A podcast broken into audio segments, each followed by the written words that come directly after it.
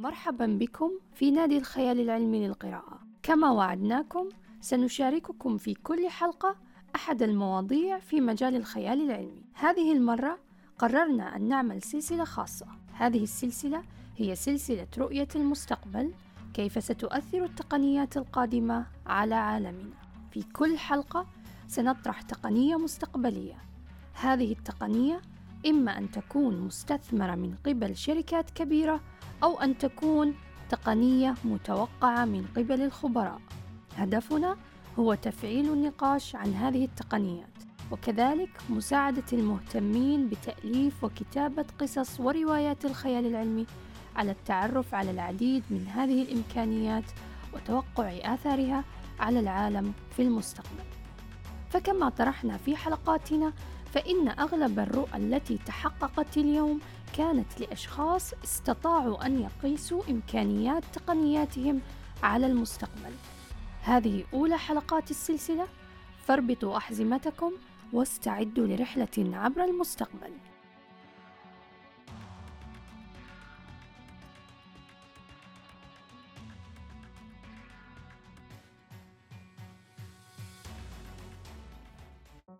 خرج مارك زاكربيرغ قبل شهرين بتصريح أثار الجدل على الإنترنت حيث أعلن تغيير اسم شركة فيسبوك إلى ميتا. وصرح زاكربيرغ أن هدف الشركة الأساسي هو ربط مستخدمي الإنترنت حول العالم في مكان واحد. وأضاف زاكربيرغ في فيديو آخر أن هدف الشركة القادم هو تطوير منصة لتطبيق الميتافيرس. والميتافيرس هو إنترنت يتم التفاعل معه من الداخل عوضا عن مجرد تصفحه في الحقيقة زاكربيرغ لم يقدم اختراعا جديدا فكثير من الشركات التقنية تتسابق لصنع الميتافيرس فما هو الميتافيرس؟ وما الذي يعنيه استخدام الإنترنت من الداخل؟ وما هي الخدمات التي قد يقدمها لنا؟ وهل سيحدث الميتافيرس ثورة في حياتنا تماما كما أحدث الإنترنت ثورة في العالم بداية ظهوره؟ سنحاول الإجابة عن هذه الأسئلة في هذه الحلقة. يمكن ترجمة كلمة الميتافيرس إلى الفضاء الرقمي، وهو إنترنت تفاعلي تكون بداخله بالفعل عوضا عن مجرد تصفح، وهو بمثابة تجسيد للواقع الافتراضي على أرض الواقع. يقوم الأشخاص بالتفاعل داخل الميتافيرس عن طريق تصميم أفاتار يمثلهم تماما مثل الشخصيات التي نصممها مثلا على ألعاب الفيديو أو التطبيقات الأخرى. ما سيحصل هو أن الميتافيرس سيمكننا من تمثيل أنفسنا عن طريق تصميم أفاتار خاص بنا بتقنية 3D هذا الأفاتار سيكون قادر على التحرك والتنقل عبر الميتافيرس. في المستقبل سنتنقل بالأفاتار الخاص بنا للتسوق أو اللعب أو حضور الحفلات الموسيقية. إلى الآن لا توجد منصات قادرة على تطبيق فكرة التنقل بين عدة فضاءات رقمية وهنا تكمن المشكلة حيث يطمح المهتمون بهذه التقنية إلى إيجاد منصات قابلة على أن توفر التنقل بين الفضاءات الرقمية المختلفة. وربما يكون ذلك أشبه بالتنقل من دولة إلى أخرى.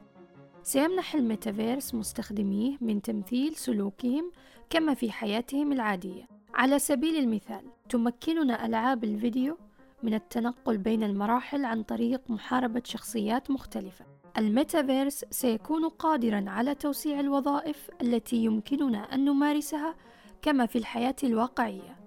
فيمكننا أن نلعب لعبتنا المفضلة وفجأة نتوقف ونقرر أن نتمشى في الخارج للترفيه عن أنفسنا أو تسلق الجبال أو التزلج على الجليد. كل ذلك في واقع افتراضي يجعلنا مرتبطين بداخله أكثر. سيحتوي الميتافيرس على الكثير من جوانب الحياة في عالمنا.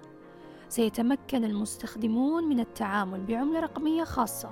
فمثلا بلوك تشين يمنح مستخدميه التعامل بالعملات المشفرة وتبادلها وكذلك التعرف عليها مثل البيتكوين وإيثيريوم. سنتمكن من خلال تطبيق هذه التقنية على الميتافيرس من شراء سيارة افتراضية أو بناء بيت افتراضي حضور الحفلات والتفاعل الاجتماعي مع أعضاء الميتافيرس الآخرين تملك الأراضي والعقارات في عوالم الميتافيرس وحتى الاستثمار. هذا يعني أننا سنكون قادرين على تكوين ثروة وتبادل السلع مع مستخدمي الميتافيرس الآخرين. إن كان أحدكم قد لعب لعبة The Sims من قبل فعليه أن يضاعف مستوى المحاكاة فيها إذ أنه لن يكون مجرد لاعب في لعبة بل سيكون هو بنفسه عضوا فعالا في العالم الافتراضي. لنضاعف المحاكاة أكثر ونتخيل كيف أن مواقع التواصل الاجتماعي تمنحنا التواصل مع الآخرين من جميع أنحاء العالم. ولكن في الميتافيرس عوضا عن الرد على هذا الحساب أو إبداء إعجاب على تغريدة أو تدوينة سيكون كل شخص قادرا على استخدام الإنترنت من الداخل. أي أننا سنكون داخل الإنترنت بطريقة قريبة من الواقع حيث كل أفاتار يمكنه أن يشارك محادثة مع هذا الشخص أو هذه المجموعة أو حتى افتعال الشجار لو أراد ذلك.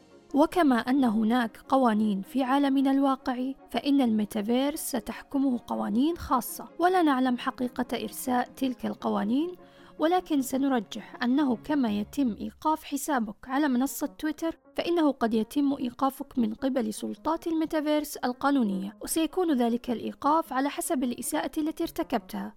فقد تكلفك واحدة غرامة وربما تكلفك أخرى السجن ولنا أن نتساءل كيف سيؤثر ذلك على حياتنا. فإذا كانت دوائر التواصل الاجتماعي تفصلنا عن العالم الواقعي في هواتفنا النقالة حيث نضطر إلى تفحص هواتفنا في اليوم عدة مرات تخيلوا ماذا قد يحدث لو ارتبطنا بهذا العالم عن طريق لبس نظارة وسماعة للواقع الافتراضي وقضاء ساعات طويلة داخل الميتافيرس. هناك حيث سنبني ونستثمر ونتعرف على أفراد بطريقة أكثر قربا من السابق. ستكون لنا حياتنا الخاصة. وقد ننفصل بالفعل عن واقعنا جراء ارتباطنا بالفضاءات الرقمية التفاعلية. لفهم الميتافيرس بشكل أعمق يمكنكم مشاهدة فيلم Ready Player One. هذا الفيلم يعطي مثالا حيا لتقنية الميتافيرس المستقبلية وهو مبني على رواية تقع أحداثها في عام 2045 حيث يهرب الناس من عالمهم الواقعي الذي دمره التغير المناخي والحروب والمجاعات والفقر. فيصبح هذا العالم الافتراضي بمثابة ملجأ لهم. عالم إنترنت تفاعلي يحوي بداخله إمكانية لعب أدوار مختلفة ومجتمع افتراضي كبير يضم العديد من الأعضاء بداخله والآن لنتأمل إمكانيات هذه التقنية ومدى تأثيرها على عالمنا وحياتنا كيف سنعيش في الميتافيرس؟ وهل سيكون الميتافيرس بديلا ناجحا للإنترنت القديم؟ كيف يمكننا أن نتفاعل مع هذه الحياة الافتراضية؟ فهل سيعني هذا بداية ثورية في التقنية؟ أم أنها مجرد حماسة من قبل المستثمرين فيها؟ وهل سيبقى الإنترنت كما نعرفه اليوم؟ وهل سيكون حجم المساوئ بسبب هذه التقنية كبيرا على البشرية؟ شاركونا آراءكم عن هذه التقنية وفعلوا النقاش إما على صفحتنا في تويتر أرب ساي فاي أو على بودكاست نادي الخيال العلمي العربي للقراءة أو عن طريق زيارة موقعنا نادي الخيال العلمي العربي ولا تنسوا مشاركة هذه الحلقة مع المهتمين بالخيال العلمي في العالم العربي. هدفنا هو نشر ثقافة الخيال العلمي وتشجيع الجميع من كتاب ومحبين للمجال لمشاركة أفكارهم معنا. كانت معكم غيداء محمد شاكرة لكم حسن الاستماع وألقاكم في حلقة قادمة بإذن الله.